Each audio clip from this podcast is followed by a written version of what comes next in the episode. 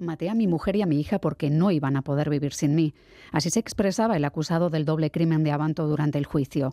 El presunto autor asegura que estaba en la ruina y que eso lo precipitó todo. Golpeó dos veces a su mujer con dos mazas que estaban en la cocina y a su hija la ató de pies y manos. Aquel día de marzo de 2020, el día en el que se produjeron los hechos, el presunto autor asegura que llegó a casa en su coche después de haber ingerido botella y media de vino y que las mató para que no sufrieran con la idea de suicidarse después. Para su familia, Miren y Paola vivían en un clima de violencia psicológica y la carga del agravante de género se ha dejado sentir en el juicio. Soy Miriam Duque, la encargada de abriros esta Gambara Negra, un podcast de crónica negra en el que hacemos que ciencia, especialistas y pruebas hablen más que nosotros para recomponer la actualidad y tratar de entender la mente de quienes se escoran al lado oscuro. Hay una escena que la hermana del acusado del doble crimen de Abanto no va a olvidar. Llegó mi hermana un poco más tarde y ahí sí puedo decir que le veía completamente desencajado. Yo no la he visto esa cara, esa cara nunca. Aquel 11 de marzo de 2020 había citado a las hermanas para ponerles al día del estado de la empresa familiar. La cosa iba muy mal. Faustino venía con más noticias. Y, luego nos dijo que, que les había matado que, que él se iba, se iba a matar. Las había matado un día antes, según ha reconocido él mismo. Las hermanas no supieron cómo reaccionar, optaron por acudir a comisaría sin intentar impedir que Faustino cumpliera sus amenazas de suicidio. Porque yo no me imaginaba nada que me iba a pasar nada semejante en mi vida, así es lo más gordo que me ha, me ha ocurrido. Entonces, o sea, el, el buscar o el hacer preguntas como de lógica es imposible. Es el relato de una hermana descompuesta dos años y medio después. Describe al acusado como un hombre que bebía mucho, que ha estado en tratamiento psiquiátrico y que ella cree no está curado del todo. Pero para las hermanas del acusado, él era un buen padre de familia. Tomasa, 90 años, hablaba con su hija por teléfono todas las noches, hasta que un día esa llamada no llegó. El acusado del doble crimen de Abanto ya había perpetrado el crimen. Llamé a la mañana siguiente, pronto, y me dijo el desgraciado asesino de mis hijas, están dormidas, cuando despierten ya las llamará. Ese es el consuelo que me dio el asesino de mi hija. La madre de la víctima y sus hermanas ante los jueces describen al acusado como un hombre violento, controlador, machista, maltratador, racista y hasta filonazi. Se levantó de la mesa, la cogió mi hermana y se fueron para la cocina y ahí metió un, tiró la pared por poco. Pues salió el tema de la chavalita esta, esta sueca Greta. Se puso como un salvaje y dijo que había que meterle un hierro candente por el coño. Las mujeres de puta, los hombres maricones, el main caf lo tenía de libro de cabecera, o sea, ¿qué quieres que le diga? Nada que ver con el padre de familia casi perfecto que describen las hermanas del acusado. Miren vivía sometida a ojos de sus hermanas. Él la obligó incluso a dejar de trabajar. Ella ya no estaba bien, ella ya, ya, no, ya no era feliz. Él enseguida la, la cortaba, la eh, discutía, la... no la dejaba hacer nada.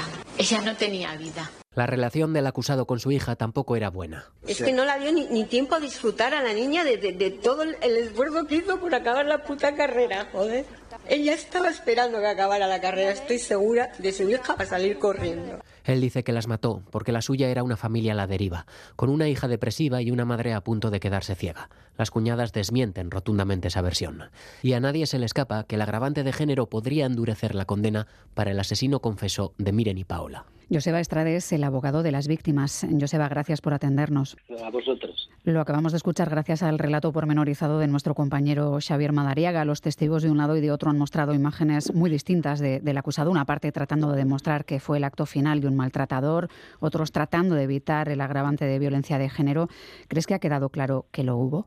Desde luego, la última, bueno, la anteúltima sesión, que fue la de los testigos de la familia de, de Miren y de, y de Paola, de las hermanas y tías, eh, creo que queda claramente acreditado que era un, un final visto o preveído por sus por las hermanas de Miren porque se existía un, un maltrato latente Ay. existía un maltrato latente sí. ¿Cómo era su vida en los últimos tiempos? Eh, ese relato está quedando claro también. Hombre, en principio los, esta, esta, este hombre les prohibió relacionarse con ya eh, reuniones familiares como unos dos años antes de todo esto él fue dando vueltas de tuerca a la situación y ya en los y en los en los últimos meses ella estaba verdaderamente desconsolada y había pedido ayuda a una de las hermanas porque se veía eh, ya metida en un en una especie de túnel en el cual la única solución era que la niña fuera o a estudiar fuera o a trabajar fuera del domicilio y ella se fuera con sus hermanas. Que se alejara de aquel ambiente, ¿no? Sí, sí. ¿Qué ocurre con el alcohol? Eh, ¿Trata de usarse como atenuante en este caso? Porque él mismo abunda mucho en, eh, en especificar que había ingerido botella y media de alcohol antes de acudir a casa. Sí, bueno, en realidad es un, otro, un otro de los pretextos que utiliza este señor. Luego, todo lo que se ve, tanto testigos anteriores o posteriores, lo que dicen es que el hombre pues, sí bebía, tomaba un pincho con un pote y tomaba vino, pero no bebía las cantidades que dice él. Entonces, por eso, eh, normal, y luego ya cuando va al, al, psiquiatra la primera vez en el, en, el, en el hospital de urgencias que le ve totalmente orientado, él declara que bebía una botella de vino al día o botella y media de vino al día. Entendemos que es una cantidad importante, pero que no es ninguna cantidad notoria como para generar en una serie de problemas psiquiátricos que él alega.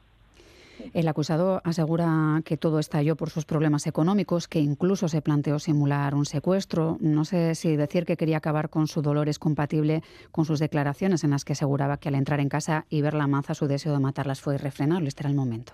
Nada más entrar y verla a ella dormida y ver la maza, se me ocurrió como, un, como una cosa inevitable, se, se me hizo irrefrenable el deseo. Que le resultó inevitable, ¿no? Irrefrenable, parece decir. Eh, en principio, es, él está buscando ahora una especie de, de, brote psicótico como una defensa. En realidad, él unos días antes había cerrado el asa de esa gran maza, es una maza impresionante, y la había dejado dentro de casa en la cocina.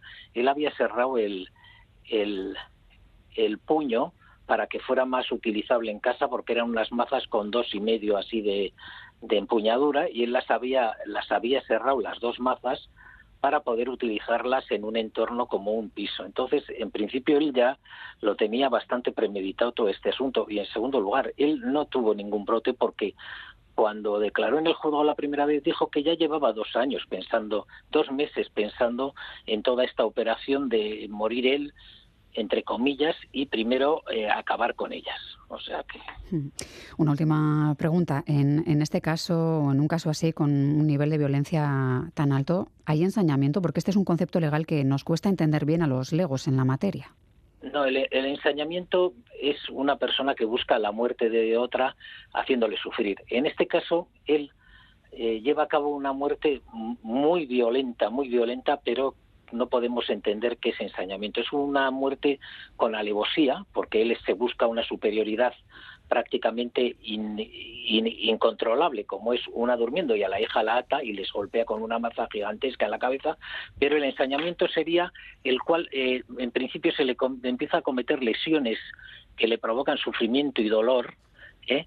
Y se trata de, de, de, retrasar la muerte para que sufra lo máximo posible. En este caso entendemos que la muerte fue una fue expeditiva, es decir, les pegó un, un par de mazazos a cada una de ellas en la cabeza y les provocó un traumatismo severo y luego ya las yo. Entonces, en principio, no estamos hablando de ensañamiento, sino que estamos hablando de un asesinato con alevosía por haber buscado una situación de prevalencia física que ya tenía, pero una indefensión absoluta de las víctimas. ¿Qué penas pedís para él?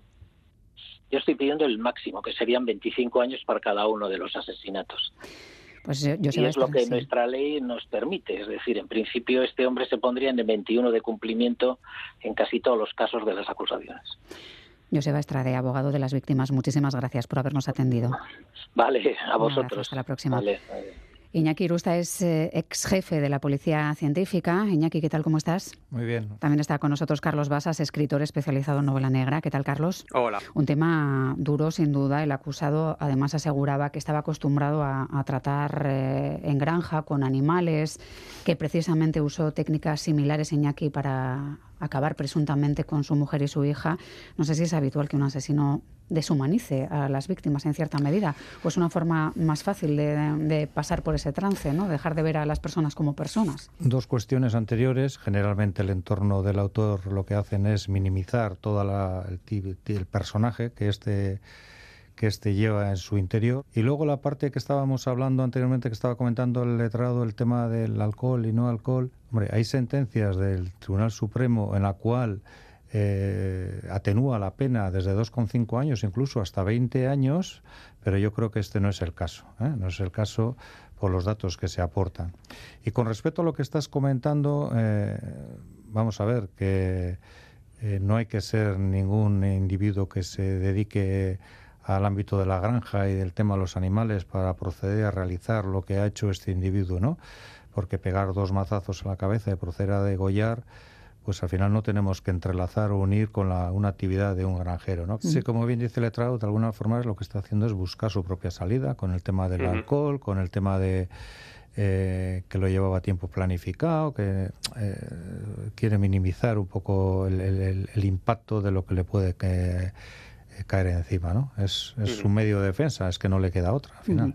Carlos, supongo que te vienen a la memoria casos en los que ese consumo de alcohol o de drogas eh, sirve al acusado o acusada para reducir su pena, o se busca ¿no? que, que actúe como un atenuante en vez de como un agravante.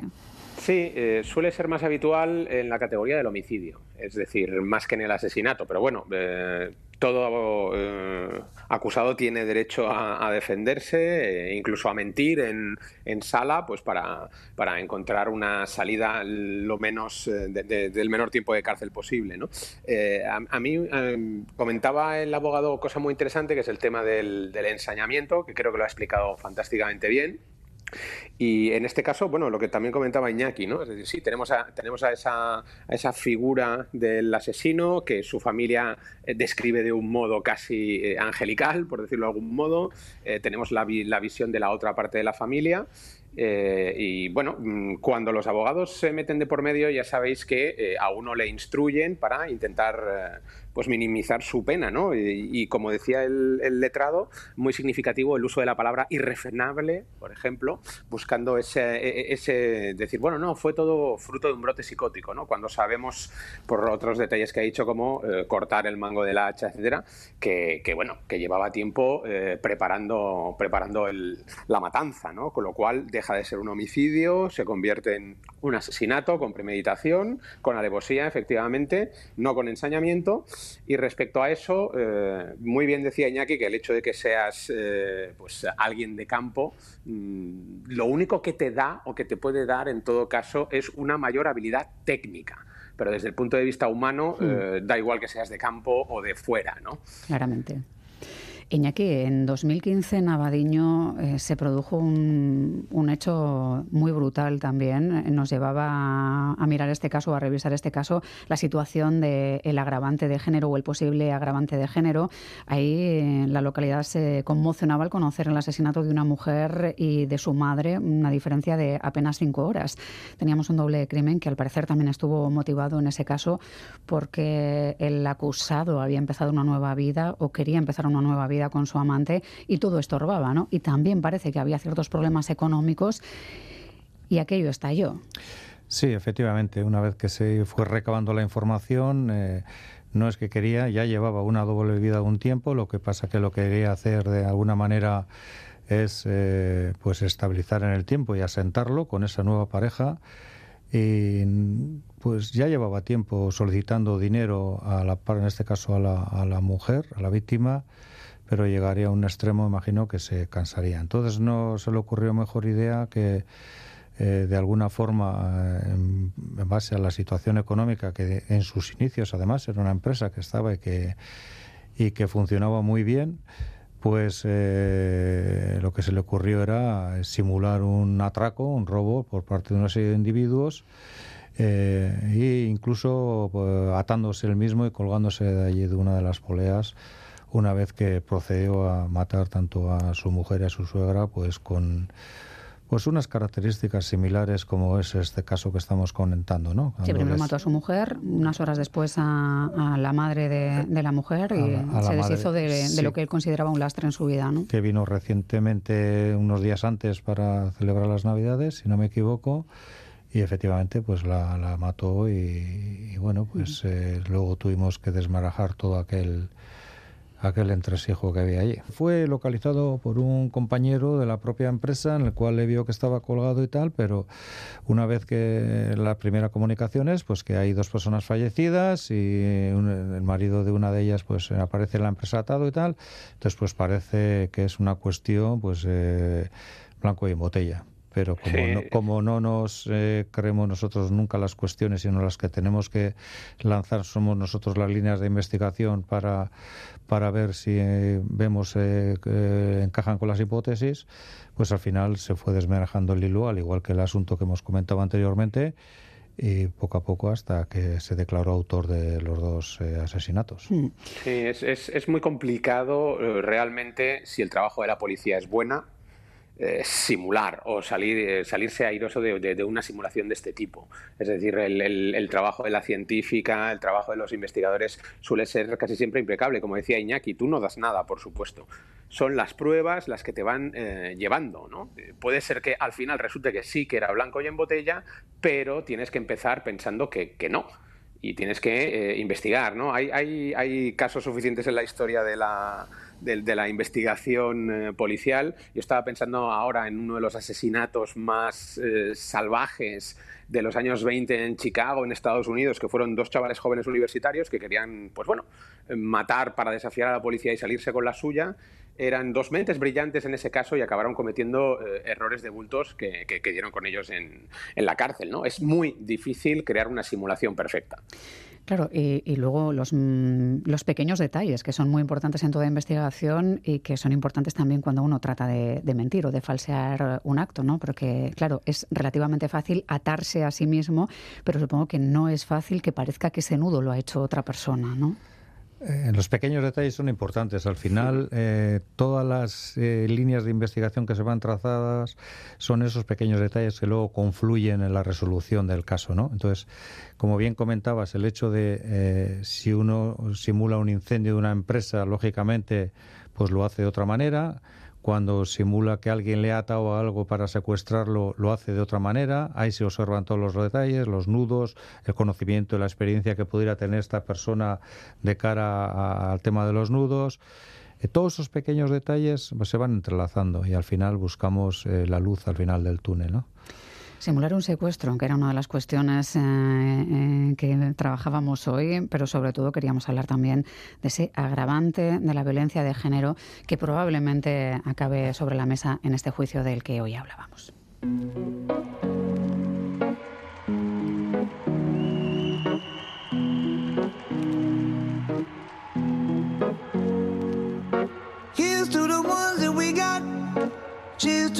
Hoy basado en hechos reales nos hace mirar a uno de los casos más mediáticos de las últimas décadas, el caso Alcácer y la eterna pregunta, ¿está vivo Antonio Anglés? Anglés lleva 30 años huido de la justicia y tiene incluso una orden de busca y captura por parte de Interpol. Por eso su familia pide que se le declare oficialmente muerto. El Ministerio Fiscal, conforme al Código Penal vigente en el momento de los hechos, le acusa de haber cometido tres delitos de asesinato, tres delitos de rapto y cuatro delitos continuados de violación. ¿Usted reconoce haber cometido estos delitos que le imputan las diferentes acusaciones? No. Es el juicio en 1997 a Miguel Ricarte, el único condenado por los crímenes de las niñas de Alcácer. Condenado a 170 años de prisión, dio distintas versiones de lo ocurrido. Ahí pondrá A lo que yo pretendo, don Enrique, es que metan en la cárcel a los que hayan hecho esto eh, y que no se justifiquen conmigo. Que no se justifique nadie conmigo. Varias versiones, aunque un mismo nombre que se repite en todas ellas, el de Antonio Anglés.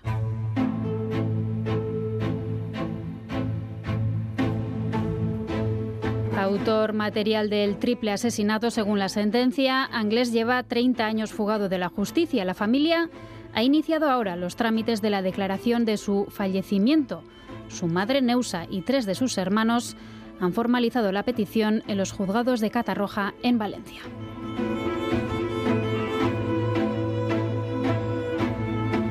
Ese trámite, que según informa el diario Las Provincias, se enmarca en la necesidad de gestionar una herencia y se produce después de que dos de los hermanos de Antonio Anglés hayan muerto precisamente este verano. La Interpol mantiene la orden de búsqueda y captura en 195 países, a pesar de que no haya ninguna pista fiable de su paradero. En principio, el caso Alcácer seguirá abierto al menos hasta diciembre de 2029 en esa fecha se extinguiría la responsabilidad penal de Antonio Anglés, que sería entonces inimputable, a no ser que se le diera antes por muerto.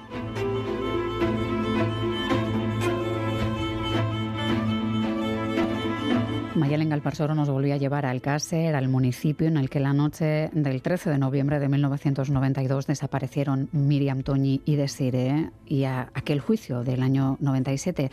Carlos, todavía 30 años después surgen propuestas como el libro Las otras niñas de Santiago Díaz para investigar o para volver a sacar este asunto y algunos de esos recodos ocultos que han quedado en esta historia, ¿no? Sí, bueno, os he querido traer esta novela publicada en el 22 por la editorial Reserva Books, eh, escrita, como decías, por, Santiago Díaz, por Santi Díaz, porque eh, parte de una premisa francamente interesante. Y es que, eh, bueno, la novela está protagonizada por la inspectora Indira Ramos, que es un personaje que él ya había creado en una una novela anterior, y lo que pretende es hibridar realidad y ficción de un modo francamente novedoso dentro de lo que viene siendo el panorama de la novela negra española. Eh, ¿De qué va esta novela? Va de que de repente en la inspección rutinaria de un delito en una gasolinera aparece una huella dactilar. Y esa huella dactilar dispara todas las alarmas, porque pertenece a eh, uno de los asesinos eh, más mediáticos de la historia de España en busca y captura, que no es otro que Antonio Anglés. El planteamiento del libro es, ¿qué pasaría si aceptamos la hipótesis de que Antonio Anglés efectivamente fue culpable? y que durante estos años que ha estado oculto no ha podido refrenar sus ansias de seguir matando y ha cometido otro crimen. Si encontráramos ese otro crimen, esa aguja en el pajar, ¿podríamos imputarle de nuevo y lograr que no se fuera de rositas? Eso es lo que plantea Santiago Díaz en, este libro eh, y es una propuesta eh, francamente interesante. Yo creo que a la gente le gustará. Está escrita como eh, pues con corte de thriller clásico, con mucha acción y la propuesta, como os decía, es francamente interesante. ¿no? Si realmente Antonio Anglés estuviera vivo y fuera esa mente criminal irrefrenable, ¿habría dejado de matar a lo largo de todos estos años o hubiera continuado matando solo que ese crimen no ha sido descubierto? Las otras niñas, eh, un crimen que no ha sido descubierto es complicado según van pasando los años, porque hay más información, estamos más globalizados, pero es verdad que, es una de las hipótesis eh, que están que sobre la mesa. En todo caso, que la Interpol mantenga abierta a día de hoy, 30 años después, una orden de búsqueda y captura que está operativa en 195 países, es porque todavía hay cierta sospecha o porque a efectos operativos o por protocolo hay que mantenerla así hasta que no haya una prueba, Iñaki, de que efectivamente no hay que seguir buscando. Sí, lógicamente la familia lo que está solicitando es el cierre por este campo administrativo, pues para el tema de los cobros o me imagino que herencias o demás cuestiones, pero sí por la otra parte la Interpol, como bien se decía, hasta el 29 creo que tiene que tener abierto, por lo tanto no podemos cerrar en falso, es decir, independientemente de lo que esté pidiendo la familia, pues eh, podemos seguir adelante con la investigación. Y es verdad que cada cierto tiempo, Carlos, aparece algún resto que nos permite volver a, pedir que se hagan unas pruebas de ADN o que se trate de, cruzar información para saber si a lo mejor realmente fue en un barco y los restos que aparecen cada X tiempo puedan ser los del desaparecido inglés. Sí, sucedió no hace tanto con un cráneo en una costa irlandesa eh, que disparó todas las, todas las alarmas, pero que bueno, quedó, quedó en nada. Pero no hay que abandonar nunca. Eh, no hay que abandonar nunca. Yo siempre pienso en el caso de eh, un famoso asesino en serie estadounidense que estuvo matando durante muchos años. Jamás dieron con él. y él ya vivía plácidamente con una familia, hijos e incluso nietos en la ciudad de San Francisco y dio la casualidad de que una de sus nietas quiso hacer un árbol genealógico y mandó un kit con ADN a, una empresa que se dedica a eso en Estados Unidos. Y entonces saltaron las alarmas porque el FBI monitoriza eh, esas, esas eh, muestras de ADN con las empresas, llegó a un acuerdo con ellas y resultó que cuarenta y pico años después eh, ese match con el ADN de un familiar directo del asesino que no habían logrado capturar dio positivo y se presentaron en la puerta de su casa. De hecho, cuando llamaron a la puerta y él abrió, miró a la policía y dijo, habéis tardado mucho.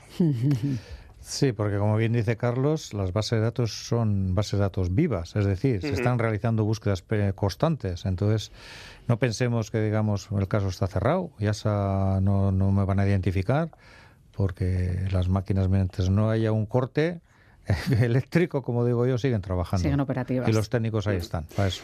Pues la familia de Anglés que ha pedido que se declare oficialmente muerto a su hermano y tal vez que esta declaración sea efectiva será la forma que tengan de que dejemos de hacernos la pregunta de si está vivo o no Antonio Anglés. Carlos Basas, Iñaki Rusta, como siempre, es que recasco. Muy Hasta luego. Un placer.